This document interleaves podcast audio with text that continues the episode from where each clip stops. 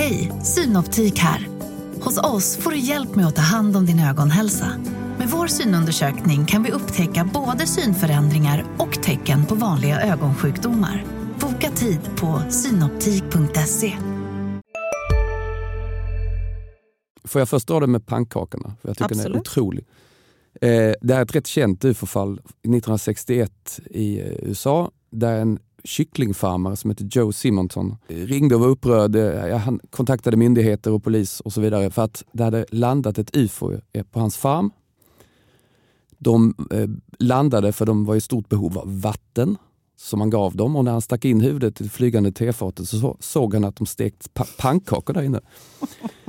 Och, och eh, då, eh, eftersom han var lite hungrig så frågade han, kan jag få ett par pannkakor? Ja, visst, sa de. Och det här var då människoliknande rymdvarelser, det var inte några små grå varelser. Så fick han ett par pannkakor och han åt upp en av dem och den smakade hemskt, sa han, uppgav han. Förfärligt. Och den andra lämnade in för vetenskaplig analys. Och det visade sig att denna utomjordiska pannkaka innehöll mjöl, fett och socker. Det, Det var, inte, det var inte så spännande. Men det roliga med det fallet är det att han, han var fullständigt övertygad om att detta hände och han var inte heller någon som på något sätt försökte tjäna pengar Nej. på sin historia. Mm. Han Mm. blev mer, nästan lite stött över att folk eh, ville prata om det hela tiden.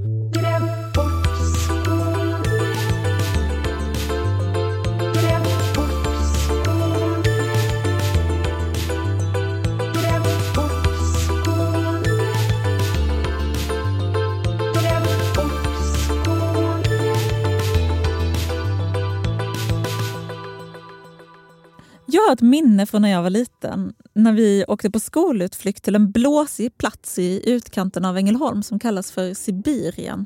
Där i gräset fanns det några gigantiska cirklar i betong och innanför de cirklarna stod en liten modell av ett flygande tefat.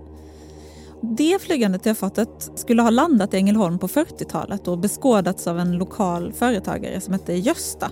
Och det var alltså han som hade skapat monumentet. Betongmärkena visade var ufot hade landat och eh, hur det hade sett ut. Som jag minns det så vandrade vi omkring där ganska länge i det flygande tefatets spår och jag vet inte riktigt om det var den nordvästskånska vinden som fick mig att rysa eller om det var att det tydligen fanns utomjordingar eller åtminstone vuxna som trodde på utomjordingar. Eller om jag redan då började få en aning om att vissa vidskepelser får ta större plats än andra eftersom de omhuldas av män som heter Gösta. Men sen dess har jag helst undvikit allt vad ufo-kulter heter. Det är bara det att på senare tid har det blivit helt omöjligt. Ufon är nämligen hetare än själva solen just nu. För ett par år sedan avslöjades det att Pentagon själva jagar oidentifierbara flygande föremål och nu i julhelgen så kommer filmen UFO Sweden om den verkliga svenska föreningen UFO Sverige. Har världen blivit galen? Varför tror folk på ufon igen? Och vad är det i så fall egentligen de tror på? Det här är Gräv bort Skåne, podden där Sydsvenskans kulturredaktion hackar oss fram genom kulturlandskapet. Jag heter Ida Ölmedal och jag har med mig mina två mer alienvänliga kollegor Rakel Chukri och Mattias Oskarsson som ska hjälpa mig att förstå vad det är som händer. Hej! Hallå. Hello. Um, alltså Mattias, du, publicerar ju ett reportage om det här i helgen och där besöker du den här föreningen UFO Sverige vad är, som, som har blivit föremål för en stor julfilm. Ja. Vilka är de? och vad, är, vad går den här filmen ut på? Det är ett underbart gäng eh, medelålders, mest män, eh, trevliga kufar som sitter och äter pepparkakor och diskuterar om vi har besök från yttre rymden. Och det var så att filmkollektivet Crazy Pictures, de gjorde, det är ett gäng väldigt eh, driftiga grabbar som är väldigt duktiga på teknik. Som slog igenom stort med en film som heter Den blomstertid nu kommer för några år sedan. Som var en krigsfilm i Hollywoodstuk som var, gjorde stor succé. Och nu sedan upptäckte de att den här UFO-föreningen fanns också i Norrköping. Mm.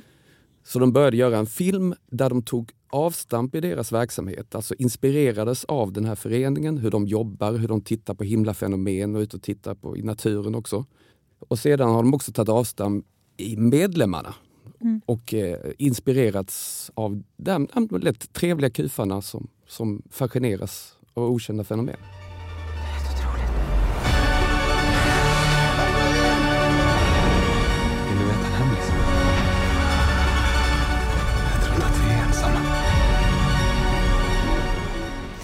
Eh, och tror de på att utomjordingar är här? Eller vad, vad tror de i den här Alltså, föreningen på? Jag vet inte riktigt alltid för att eh, det är så här att de påstår sig att de tror ingenting. Nej. De företräder vad de kallar den tredje vägens ufologi. Mm. Vad är det? Det är, det, är att, eh, det är ungefär att det har funnits väldigt många människor, och det finns väldigt många människor, de verkar öka just nu, som verkligen tror på att vi har besök av utomjordingar. Men såna, de, den här ufo-föreningen som har funnits sedan 1970, den splittrades redan på 80-talet. Så de ufo-troende, de gick sin egen väg. Mm. Medan eh, de är skeptiska, säger de. Jätteskeptiska. Men de vill heller inte avfärda allt som jag menar, vanligt folk eller vetenskapligt sinnade människor säger bara, bara att det är trams. Så de vill undersöka alla dessa fenomen för att se om det finns någon, någonting där.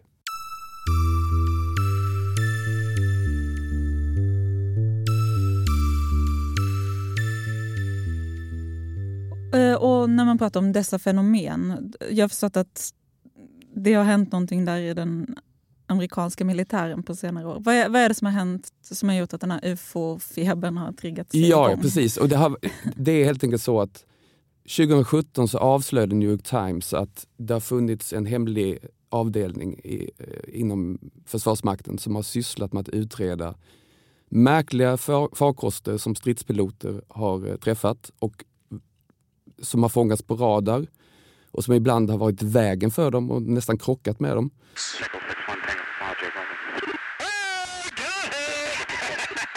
A Navy aircrew struggles to lock on to a fast moving object off the U.S. Atlantic coast in 2015. Recently released images may not convince UFO skeptics, but the Pentagon admits it doesn't know what in the world this is.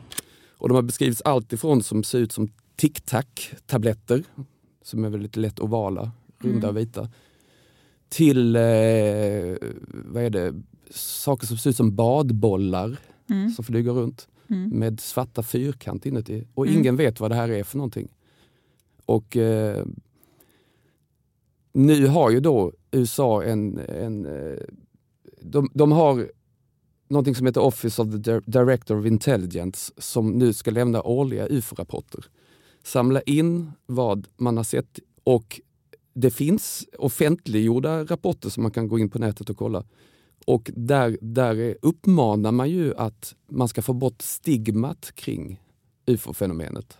Och, och, men när de pratar om ufon, då pratar de om icke-förklarliga eh, flygande fenomen, fenomen i luften. De kallar inte ens det för ufon längre. Nej, de kallar det för UAP, Unidentified Aerial Phenomena. Och ingen av dem de pratar inte om att det skulle vara rymdvarelser, utan det här handlar om något annat. Nej, såklart. De, de, de, de, de, Bara för att vara tydlig. det, är, det är intressant att vi inte vet exakt eftersom den, de offentliga rapporterna nämner såklart ingenting om rymdvarelser.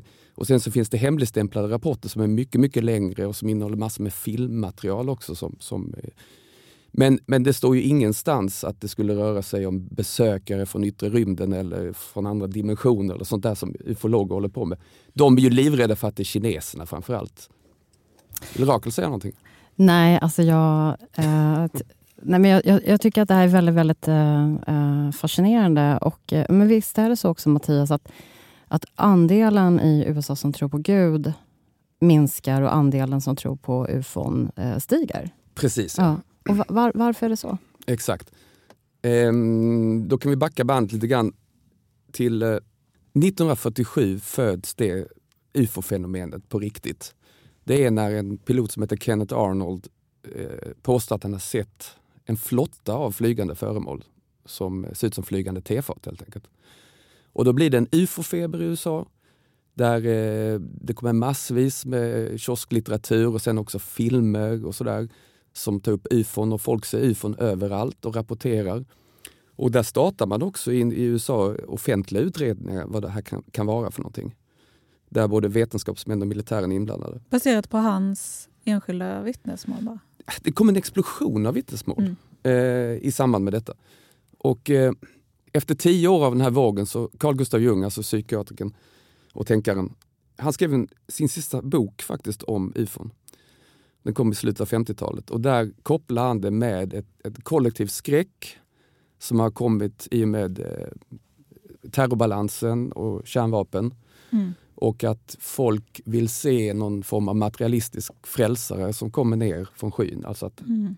Mm. Rymdvarelser ska rädda oss mm. från att förstöra planeten. Så Det är efter andra världskriget, så Gud är död. Men, men vi är också på väg att liksom utplåna vår egen planet yes. och då sätter vi vårt hopp till ufon. Ja. Ja.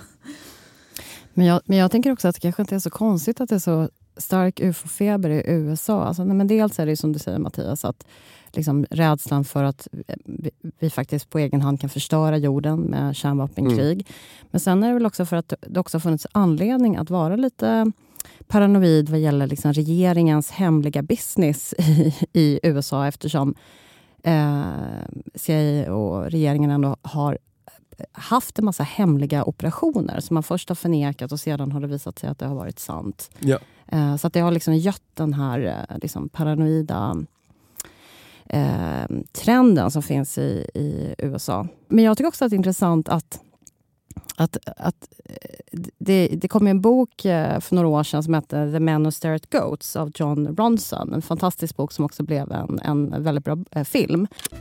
Men and women who can fall in love with everyone, sense plant auras, pass through walls som liksom tog upp att på 70-talet så hade ju den amerikanska militären en liksom avdelning som faktiskt på allvar ägnade sig åt paranormala experiment. Alltså de hade ju liksom, eh, soldater som skulle öva sig på att stirra på jätter för att försöka stoppa deras hjärtan.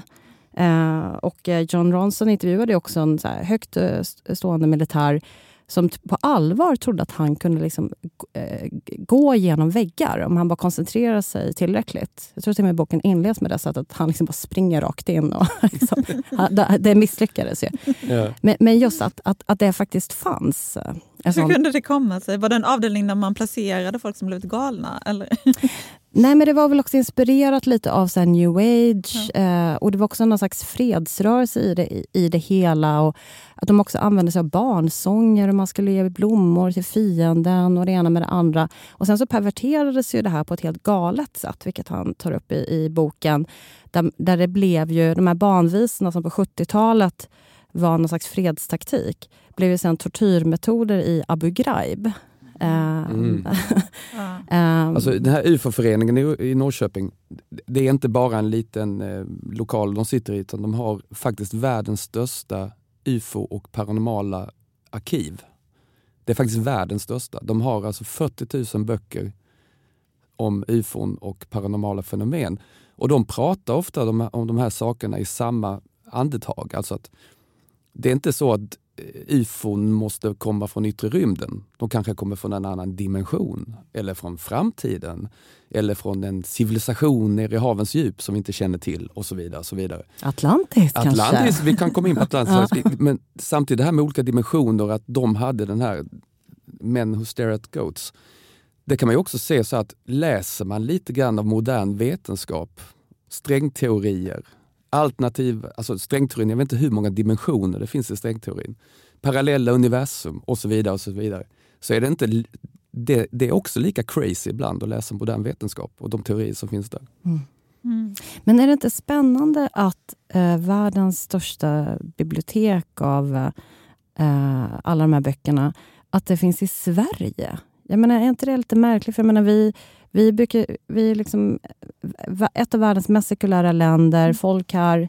Liksom den bilden man har av svenskar är inte att det springer runt en massa som, som tror på ufon. Så varför, har, varför är vi centrum? det, det beror nog väldigt mycket på enstaka individer som har varit eldsjälar och framförallt eh, en, en man som heter Claes Svan som har skrivit massvis med böcker och som dessutom är eh, heltidsanställd reporter på DN. Så han kan ge lite tyngd och trovärdighet till det här ämnet. Och han är ju skeptiker. Men han ger lite tyngd åt det här och han har varit talesman och han har byggt upp ett kontaktnät över hela världen. Han känner allt och alla i den här ufo-världen. Och han, är, han har även bekantat sig med de här stridspiloterna nu i USA som alltså intervjuat dem och träffat dem och sådär. Så han flyger, han flyger och far runt världen och samlar in material. Så det de gör är egentligen ganska mycket att de samlar människors vittnesmål om ufon eh, och liknande fenomen och sen försöker förstå hur det har uppkommit, hur den eh, upplevelsen har uppkommit. Ja, det är ju en salig, det är en salig blandning. Alltså det, finns, det finns väldigt många alltså, offentliga utredningar gjorda av olika försvarsmakter i världen. Frankrike är jättelångt framme med det här också. Och de har ufo-kongresser och eh, enheter inom militären som arbetar med det. Men Mattias, när, Ja. när du var i Norrköping då Ja. och eh, fikade och intervjuade de här. Ja. Kände du så här, "Ja, men, eh, jag ska säga upp mig från Sydsvenskan och flytta till Norrköping och gå med i den här föreningen? Eller göra som Claes Svahn, jag menar, han är också anställd på en tidning och så har han där så här vid sidan av. Ska du, ska du också bli ufo-besatt? alltså, jag är inte- Eller du är ju jag ufo-besatt. Jag är inte alls ufo-besatt. Jag tycker bara att ämnet är väldigt fascinerande som ämne. Så du tänker inte säga upp dig? Nej, jag bara- tänker inte. Jag vill komma tillbaka till den här tanken om liv i rymden ändå. Alltså för, att, eh, för du är ju också filmredaktör Mattias eh, Mm. på tidningen. Och jag tänker liksom på hur bilden av utomjordingen har sett ut. Hur har vår fantasi liksom förändrats som den under 1900-talet? Ja, alltså det, det är liksom om man tittar, man tror ju att mycket är moderna uppfinningar men tittar man lite grann tillbaka så upptäcker man ju att det finns ju berättelser från 1600-talet där det kommer månmänniskor som landar i farkoster. Mm. Och eh, Världarnas krig, alltså H.G. Wells berömda roman där robotar anfaller, det är liksom som, den, den kunde ha skrivits nästan nu. Liksom, och då gjorde Spielberg gjorde en film med Tom Cruise för inte så länge sedan. Den kom på 1890-talet. Världsrymden anfaller. Liksom. Så det har ju funnits länge i föreställningsvärlden. Men det som många vill dra en parallell till det är det, ju det här att de fyller samma funktion utomjordingarna idag som tomtar och troll gjorde förr i tiden. Alltså det okända, det vi inte riktigt förstår oss på. Och de kan vara antingen väldigt busiga, som forna tiders hustomtar. Och det är de här kanske mer små gråa männen som utsätter folk för, tar, fångar folk i sina tefat och utsätter dem för experiment. Och det kan vara liksom änglar som är upplysta och ofta väldigt eh, blonda och högresta och eh, kommer med fred och frihet. Kan de inte vara väldigt onda också? Det är det jag Jo, jo men alltså det här med. väldigt onda, så Ja. utsätter folk för plågsamma experiment. För jag bara säga, alltså när du sa änglar så kände jag så här, hur ett så här illamående eh, gick igenom mig. För att jag var på ett hippieläger en gång i Danmark. eh, inte för att jag själv är hippie, utan för att jag under en period i mitt liv... Hade ett ex? Nej, nej. jag umgicks... Jo, jag hade också ett hippie-ex, men, Ja. eh, nej, men jag, jag umgicks också med väldigt, väldigt många hippie-människor. Ja. Och då var det, det heter ting och det anordnas eh, vartannat år i något nordiskt land. Och, och så kommer det hippies från hela Europa. Och då så kunde man anordna massa kurser. Och, eh, så här. och då var det faktiskt en man som hade en sån, eh, där han pratade om änglar. Och sen i slutet så sa han så här, nu är det två änglar i rummet. Den ena heter, nu, jag bara hittar på här, den ena heter Kajsa och den andra heter Kalle. Och den som vill ha kontakt med dem kan vara kvar här. Och, och då kände jag så här, eh, jag tyckte det blev så kusligt på något sätt. Att han var så manipulativ. Att så här, Mm, men mm. att han kunde utnyttja det där hur han ville. Mm. Men, så att för mig är det, det många, menar, det finns till och med en prinsessa i Norge som eller ex-prinsessan nu kanske, som, som tror på änglar. Men för mig är det så kusligt för att det kan utnyttjas så. De tar, de tar emot rapporter om änglar i Norrköping. Eh, han sa att de har mycket ängellitteratur där, där folk påstår sig till änglar. Men, men eh, såklart är det så att detta är som med all new age. Det är ju en stor business där man utnyttjar folk och tjänar pengar på dem. Och eh, skriver böcker och så vidare. Och så vidare. Så att, ja, det är mycket skumma grejer. Men för det var det jag tänkte på, fall det bara är en killes version av astro. För att astrologi är ju så inne bland tjejer. Liksom, Mm. att det här är lite samma sak. Att det här, man vet att det inte är vetenskapligt, men eh, man vill tro på någonting. men att det blir en helt annan, det får en annan tyngd när det är en, en killhobby. ja, Det görs plötsligt en jättestor film. Och Jo, kanske. Men, men samtidigt så tror jag att han konstaterar, Claes Svahn, att, att, att först var de, höll de bara på med eh, ett flygande tefat och rymdfarkoster. Och då Mm. var det mest killar. Ja. Men sen, sen, så, sen när det, man släpper in älvorna och alltså, astralresor, att man, och sånt, Då kommer det tjejer då kommer det tjejer. De, de, de, de, de, mjuk, de mjuka grejerna. härligt. Så att det, det ry- ryms inom samma fält alltihopa på något sätt. Tillbaka till Gösta. Det, ja. Visst känner det är inte bara mitt minne att det var så här i Ängelholm utan Gösta han är, han är en kändis inom ufo-världen. Vem var han? Ja, Gösta, alltså det är de här eh, det, det, måste ju sägas att det här med ufon också, det också, handlar ju väldigt mycket om underhållande, roliga historier. Mm. Och där kom vi in på Gösta, för att alltså Gösta Karlsson, Pollenkungen kallad, var ju en... Varför kallas han Pollenkungen? Ja, där ska jag komma till. Han, Gösta Karlsson, han gjorde sig en förmögenhet på 50-60-talet på någon form av hälsokostpiller med pollenextrakt. Mm. Och blev en kändis, lokalkändis som kallas för Pollenkungen. Och det var han som, med hans pengar som man byggde upp ishockeyklubben Rögle. Mm. Han var alltså deras stora finansiär. Också en killhobby. Ja, en mm. killhobby.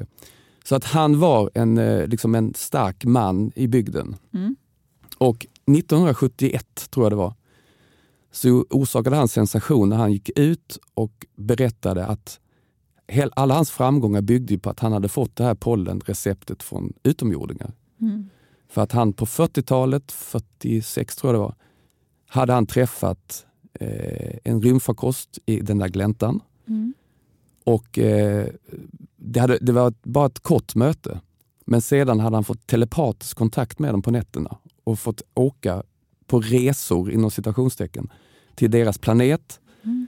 Och eh, de här utomjordingarna var då, i den tiden var det populärast med utomjordingar som var alltså 40-50-talet, som var, såg ut som människor och som var upplysta och vackra och mm. Eh, fredliga. Och eh, han fick pollenreceptet av dem och sen så byggde han ett monument där på platsen. Så man kan säga att han stack ju verkligen ut hakan och riskerade all, all, hela sitt rykte på att hävda att det här verkligen hade hänt. Men tror man att han själv trodde på sin historia? För jag ja, menar, när jag var där var ju såklart Gösta inte vid liv. Nej, han dog för 20 år sedan ungefär. Ja.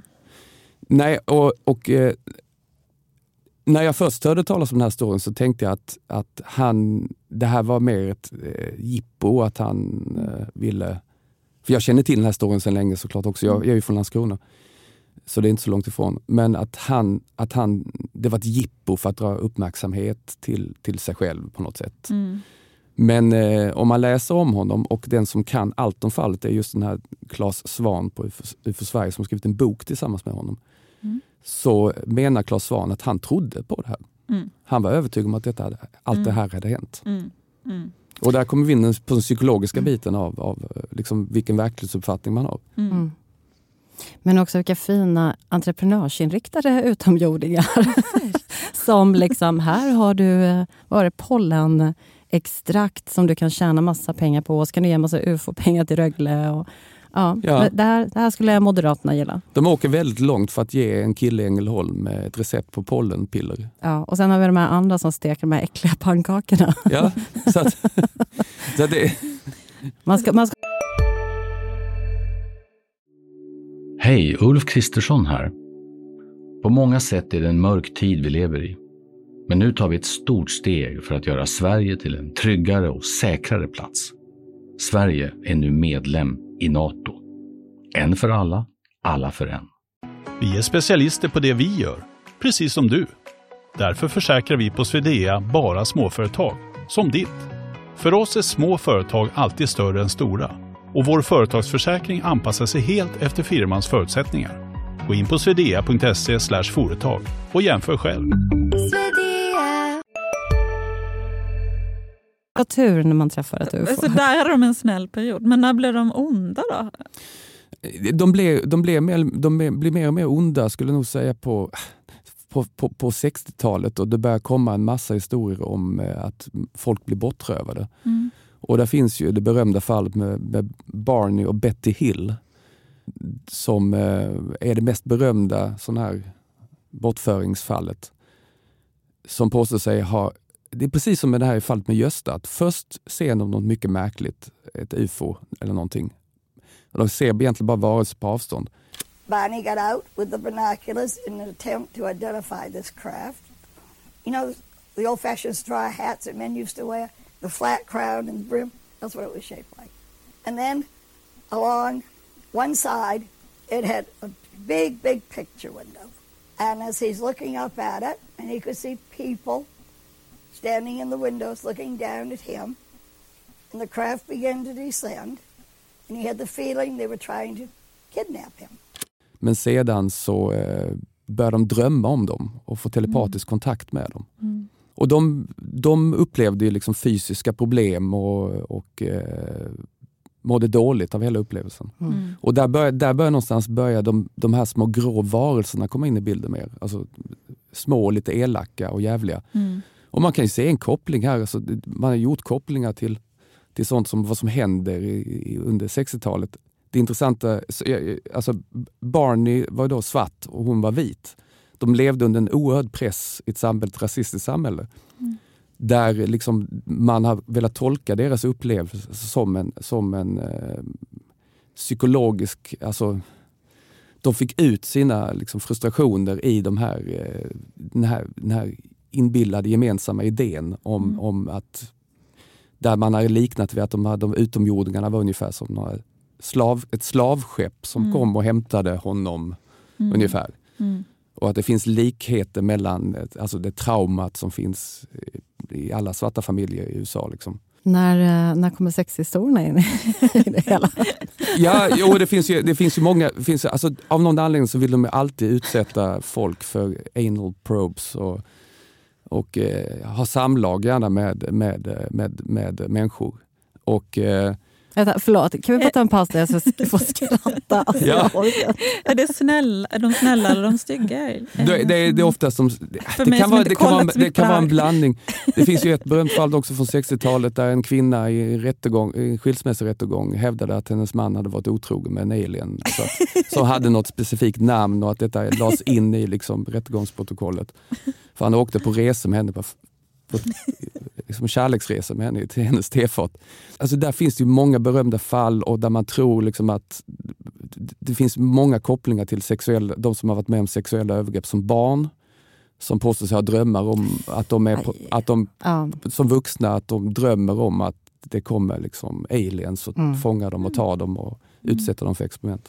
Eh, du Det skulle blir inte så roligt längre. nej, nej, jag vet. Jag tänkte, eh, Om du hade börjat med att säga det Mattias så hade jag inte tagit en paus och skrattat åt det här. Jag hade ingen aning om att du skulle säga det. Nej, men det, är ju, det är ju fruktansvärt.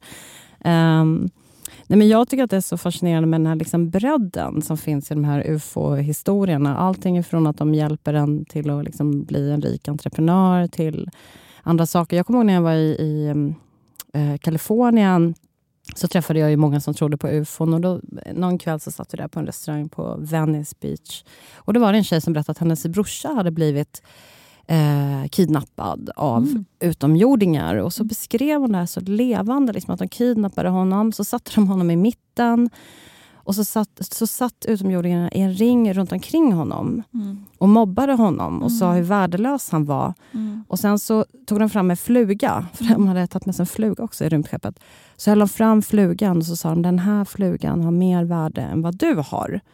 Ehm, men sen så skjutsades han tillbaka till jorden och så hade han mått jättedåligt sen dess. Och då så tänkte jag så här, men vad märkligt att de har färdats över halva universum för att mobba en person.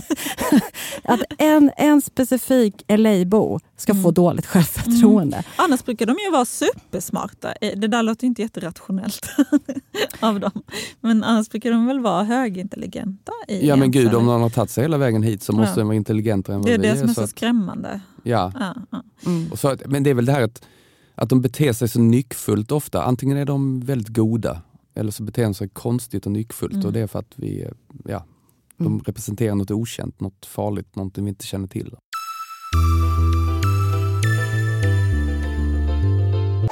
Jag, jag tänker också på, du var inne på det här Mattias tidigare, just det här att hur olika tider har påverkat eh, bilden av, av utomjordingar. I, Mm. så här, både i vittnesmål och i populärkulturen. Och så kommer jag att tänka på en av mina absoluta favoritfilmer när jag var liten var ju Predator. Kom 87 med Arnold Schwarzenegger.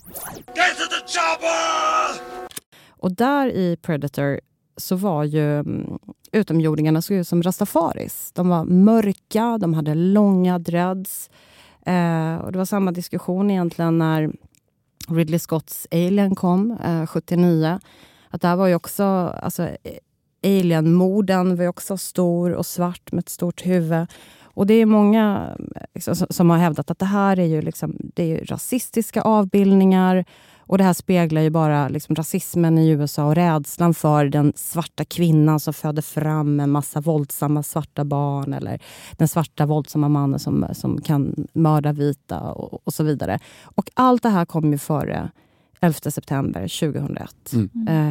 Eh, efter det så har, det så har det inte funnits den här typen av aliens. Mm. Vilket jag tycker är intressant. Nej. Men det är ju som all populärkultur så, så svarar de mot någon slags underliggande behov hos publiken att ha vissa mytbildningar. Och, eh, intressant är ju att det här med ufon nu har blivit populärt igen för första gången kanske på 20 år egentligen. Därför att på 90-talet var det en ufo-våg med Arkiv X och så vidare.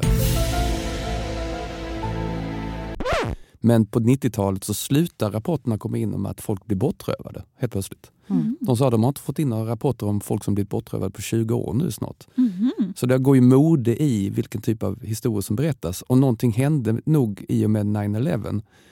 För att, där kan man ju se, vad är det för några andra historier vi vill ha? Vi vill istället ha superhjältar mm. som räddar världen. Avengers! Assemble. Det finns väl också någonting i att vilja liksom beskriva mystiska upplevelser men placera dem i en materiell värld. tänker mm. jag.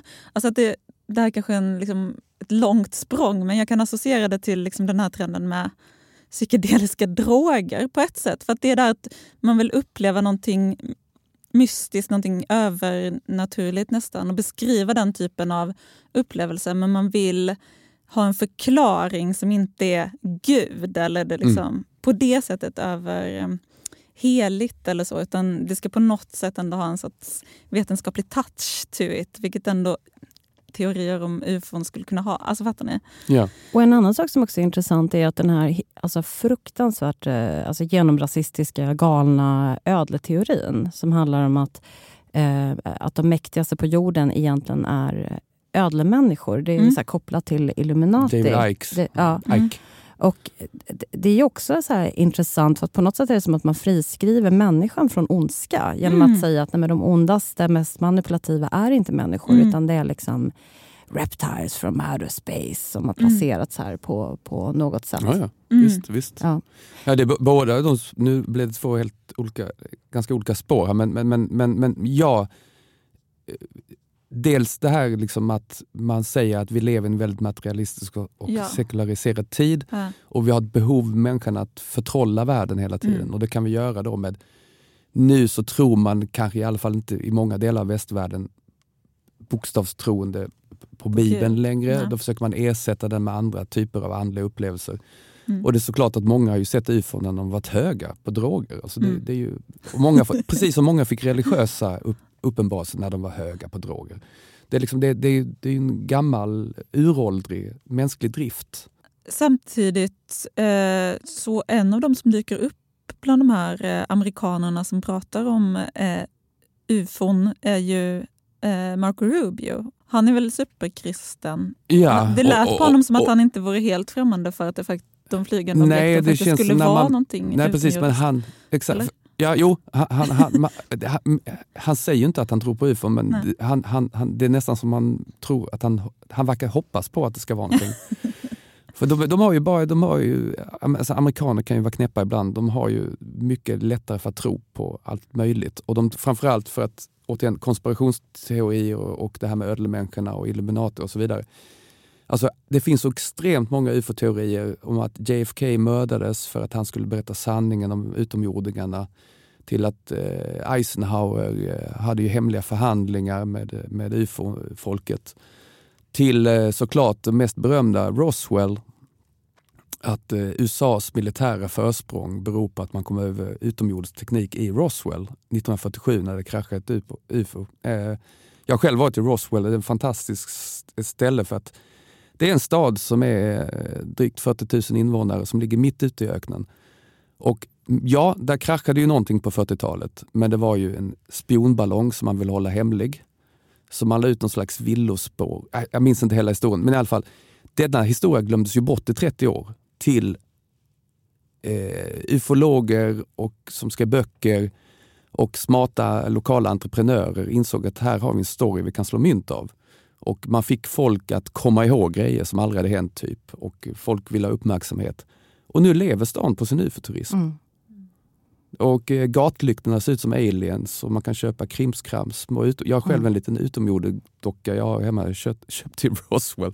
Och de har ett riktigt bra museum där faktiskt. Där, där de båda har, man kan, gå, man kan gå den ena vägen så får man se liksom, eh, ufologernas version och den andra hållet så får man se myndigheternas version. Mm. Men det är fascinerande liksom vilken attraktionskraft det har. Och jag tänker också att Alltså, man har också under vår tid blivit mer och mer medveten om hur enormt universum är. Och det är klart att man kan känna en enorm existentiell ångest. Skulle vi vara ensamma i allt detta mörka, mm. tysta? Liksom. Mm. Så på ett sätt så kan jag tycka att det är logiskt. Men, men jag har också tyckt att det varit spännande, Mattias, när jag själv liksom har sökt vidare och läst mer liksom om, om ufon och andra liksom, och liksom olika konspirationsteorier, hur ofta det liksom glider samman med rasistiska mm. teorier. Yeah. Och, det är ju, och, det, och det går ju en otroligt populär men utskälld serie på Netflix som heter Ancient Apocalypse av Graham Hancock. Mm. Um, och Dick Harrison skrev en väldigt rolig sågning av den här serien i, i Svenska Dagbladet. Men, och, och Hancock har ju liksom ändrat sina teorier lite genom, liksom, genom åren. Men han och, och, folk med honom har ju haft någon slags teorier om att det varit tidigare alltså utdöda civilisationer alternativt aliens som har kommit och till exempel hjälpt egyptierna att bygga pyramiderna. Eh, och hjälpt maya-indianerna med andra saker. De åkte runt och i grunden så menar ju liksom seriösa forskare att det finns liksom rasistiska inslag i detta för att man, man, eh, att man då inte tror att de här bruna människorna, att infödingarna var kapabla att bygga det här själva. Utan de, de, de behövde få hjälp av antingen någon slags atlantisk civilisation, eller, eller av eh, aliens. Och när man kollar vidare, liksom, det finns ju hur mycket som helst. Alltså, det fanns ju också nazister som också trodde på att det fanns liksom någon slags arisk eh, överlägsen ras från Atlantis. Himmler satte upp en SS-enhet som skulle undersöka de här sakerna. Även eh, den eh, liksom ökände amerikanska presidenten Andrew Jackson, eh, faktiskt Donald Trumps favoritpresident. På 1830-talet så höll han ju ett tal i USA där han då påstod att, att det hade funnits alltså en vit ras i USA som ursprungsbefolkningen utrotade. Mm. Alltså att det hade begåtts ett white genocide. Mm. Så att, att Andrew Jackson och andra eh, nu eh, drev bort ursprungsbefolkningen med otroligt extrema och mm. blodiga metoder. Mm. Det var ju helt okej. Okay, mm. eftersom ursprungsbefolkningen redan hade utrotat de vita som var på plats i början. Mm. Så att jag, ja, det... Nej, då, så, väldigt ofta som det finns och, rasistiska exempel. Exakt, mm. och det här, det här är ju verkligen ingen ny tanke. För alltså när västvärlden börjar kolonisera länderna så börjar redan då, eh, om man hittar otroliga byggnadsmonument och så vidare, så man kan spåra det här. För att många förknippar de här teorierna kanske framförallt med Erik von Däniken, den berömda tyska eh, ja, låtsas, låtsasarkeologen som påstår att det, det, rymdvarelser hade hjälpt ursprungsbefolkningar och så vidare att bygga grejer. Men det går tillbaka som du säger när du nämner Andrew Jackson. Det finns alltså, historiker har visat att de här teorierna har bubblat ända sedan man började kolonisera. Det var egentligen vi som byggde dem, eller, eller utomjordingar. Man tror hellre på utomjordingar än på Man tror hellre på utomjordingar. Men, men för att nämna då Gösta Pollenkungen eh, i Ängelholm så han hade ju rasbiologiska idéer. Det, det, står tydligt när man läser hans bok att han tror ju då att, att vi att, som man säger, vi vita, vi kommer från en annan planet ursprungligen. Och det är vi som kan bygga rymdfarkoster och sånt. Medan eh, de svarta, eh, och han säger ju n-ordet också, det här är en bok som kom på 90-talet. Eh, det är nog inte så länge sedan ärligt talat. Nej, det är inte så länge sedan. Men, men, men, ja. men, men han, han, ehm, han är övertygad då att svarta kommer från jorden medan vita kommer från rymden. Mm. Ja. Gud vad intressant att det är en så genomgående eh, mm. koppling. Hur, hur, är kopplingen mellan att tro på ufon och eh, politisk tillhörighet i stort? Ja, du nämnde innan det här med USA. Det finns undersökningar i USA som visar att ungefär 40 procent av befolkningen tror att vi har besök från yttre rymden. Den undersökning som har gjorts i Sverige senast av eh, forskning och folkbildning. Den kommer från 2015 och det visade sig att eh, 15 procent ungefär av svenska befolkningen tror att vi har besök från yttre rymden.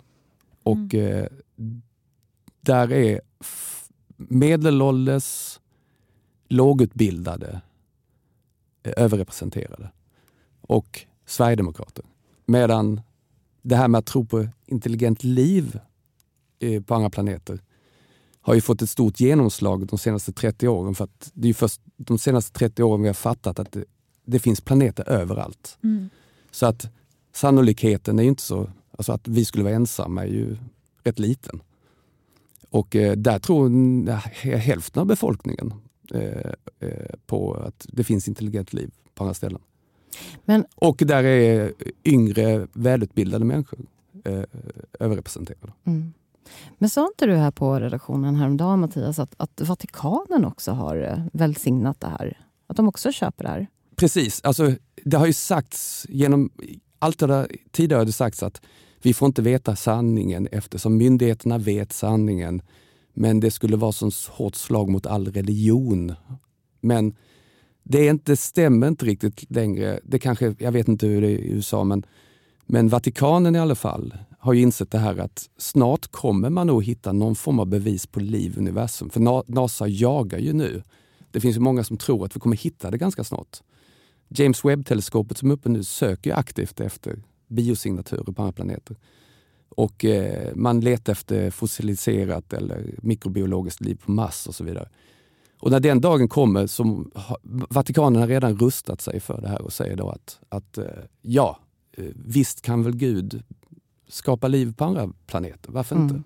Smart. Jag vill bara säga, jag gillar den här idén av att liksom man får grejer av utomjordingar ska man tjäna jättemycket pengar på det. Så, att, eh, så att härmed har jag faktiskt blivit mer Ti- ti- öppen. Jag är öppen för business. Men det, det, är, det är ju egentligen det är ju Moses och tio Guds bud. Han gick upp på berget och fick berg, äh, stentavlan. Ah, det är det, den är ju, det är ju samma story som Ja. går igen om och om igen. Det var ju väldigt så att han blev jätterik på det. Liksom. Han blev kändis, men Han, eh, ja men det var en makt, smart maktgrej att göra, gå upp och påstå sig ha hittat några stentavlor. På Om vi ska börja runda av så undrar jag om ni har någon favorit eh, ufo eller alien eh, populärkultur ni vill tipsa om så här i slutet av podden? Som ni tycker att alla borde ha sett eller läst? Eller?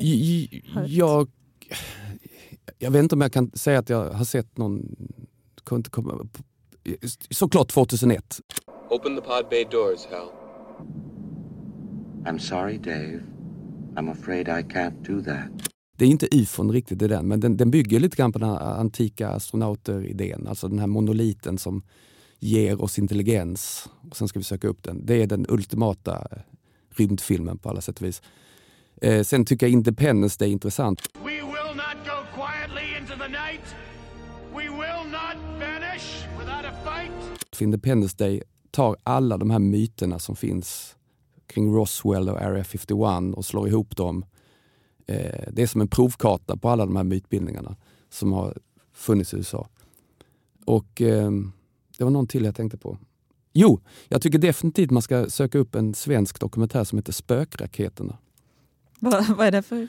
Spökraketerna är gjorda av två Malmöfilmare, Justin Übelacker och Michael Kavanagh. Eller Kavanaugh, jag vet inte hur det uttalas. Det är en dokumentär som handlar om UFO-föreningen. Mm, mm. Och hur det, de dyker i norrländska sjöar för att eh, hitta bevis på de så kallade mystiska spökraketerna Mm. som har observerats ända från 40-talet och framåt i Norrland. Som Mm. påstås landa i sjöar. Spännande. De ska upp och dyka där snart igen. Ja, Men det är en väldigt bra dokumentär från 2015. Ja, Rakel? Nej, men jag kommer att tänka på science fiction och då tänker jag självklart på eh, afrofuturism och då tänker man ju självklart på eh, Octavia Butler. ehm, som- Berätta. Nej, men en amerikansk eh, författare som har fått enormt genomsving på senare år. Hon, hon, hon är ju död. Men som har varit ja, tillsammans med Samuel Delaney och andra anses vara liksom en av de största afrofuturistiska eh, science fiction-författarna. Eh, eh, apropå att vi snackat en del om rasistiska teorier här idag så var det också på 70-talet när liksom Star Wars-filmerna kom och Samuel Delaney liksom sa att men, eh, stopp och belägg. Hur kommer det sig att det bara är vita människor ute i, i rymden? Eh, så att det finns ju också många svarta eh, författare som har skapat egna eh, världar. Och hon har också skrivit en, en, finns som en grafisk roman nu där hon liksom väver in liksom, science fiction och, och slaveriet. Mm. Men, men boken Bloodchild, Another Stories, tycker jag är, är otroligt, otroligt bra. Mm. Eh, och där finns en liksom, titelnovellen, en väldigt så här, ömsint historia om hur aliens eh, förför människor för att, de ska kunna, så att människor ska kunna föda deras barn. Men de dör på kuppen. Så att utomjordingarna eh, måste förföra dem och lura dem att det är ett jämställt eh, förhållande. Vad är, vad är det ömsinta i den här? Det låter som en skräckis. Ja, men det, det är en skräckhistoria. men men eh, de här utomjordingarna är då väldigt eh, liksom, eh, eh, vad heter det? skickliga i att lura de här, de här ja. människorna. Så här. Um, och så är det många liksom som har tolkat det här att eh, liksom, är, är det här då en analogi för liksom, den svarta erfarenheten i USA? Och så vet jag att Octavia Butler också var lite så trött på det mot slutet och var så här att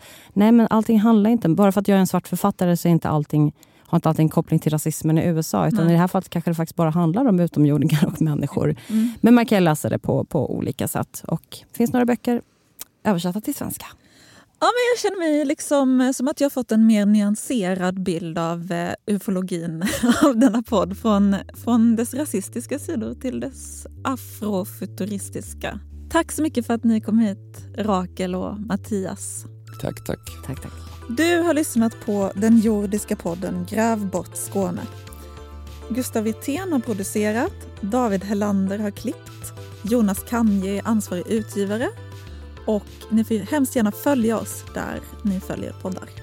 Och missa inte Mattias reportage om ufon i helgen.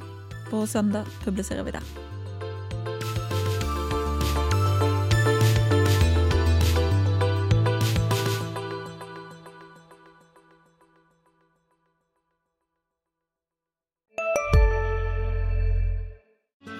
Hej, Susanne Axel här. När du gör som jag och listar dig på en av Krys vårdcentraler får du en fast läkarkontakt som kan din sjukdomshistoria.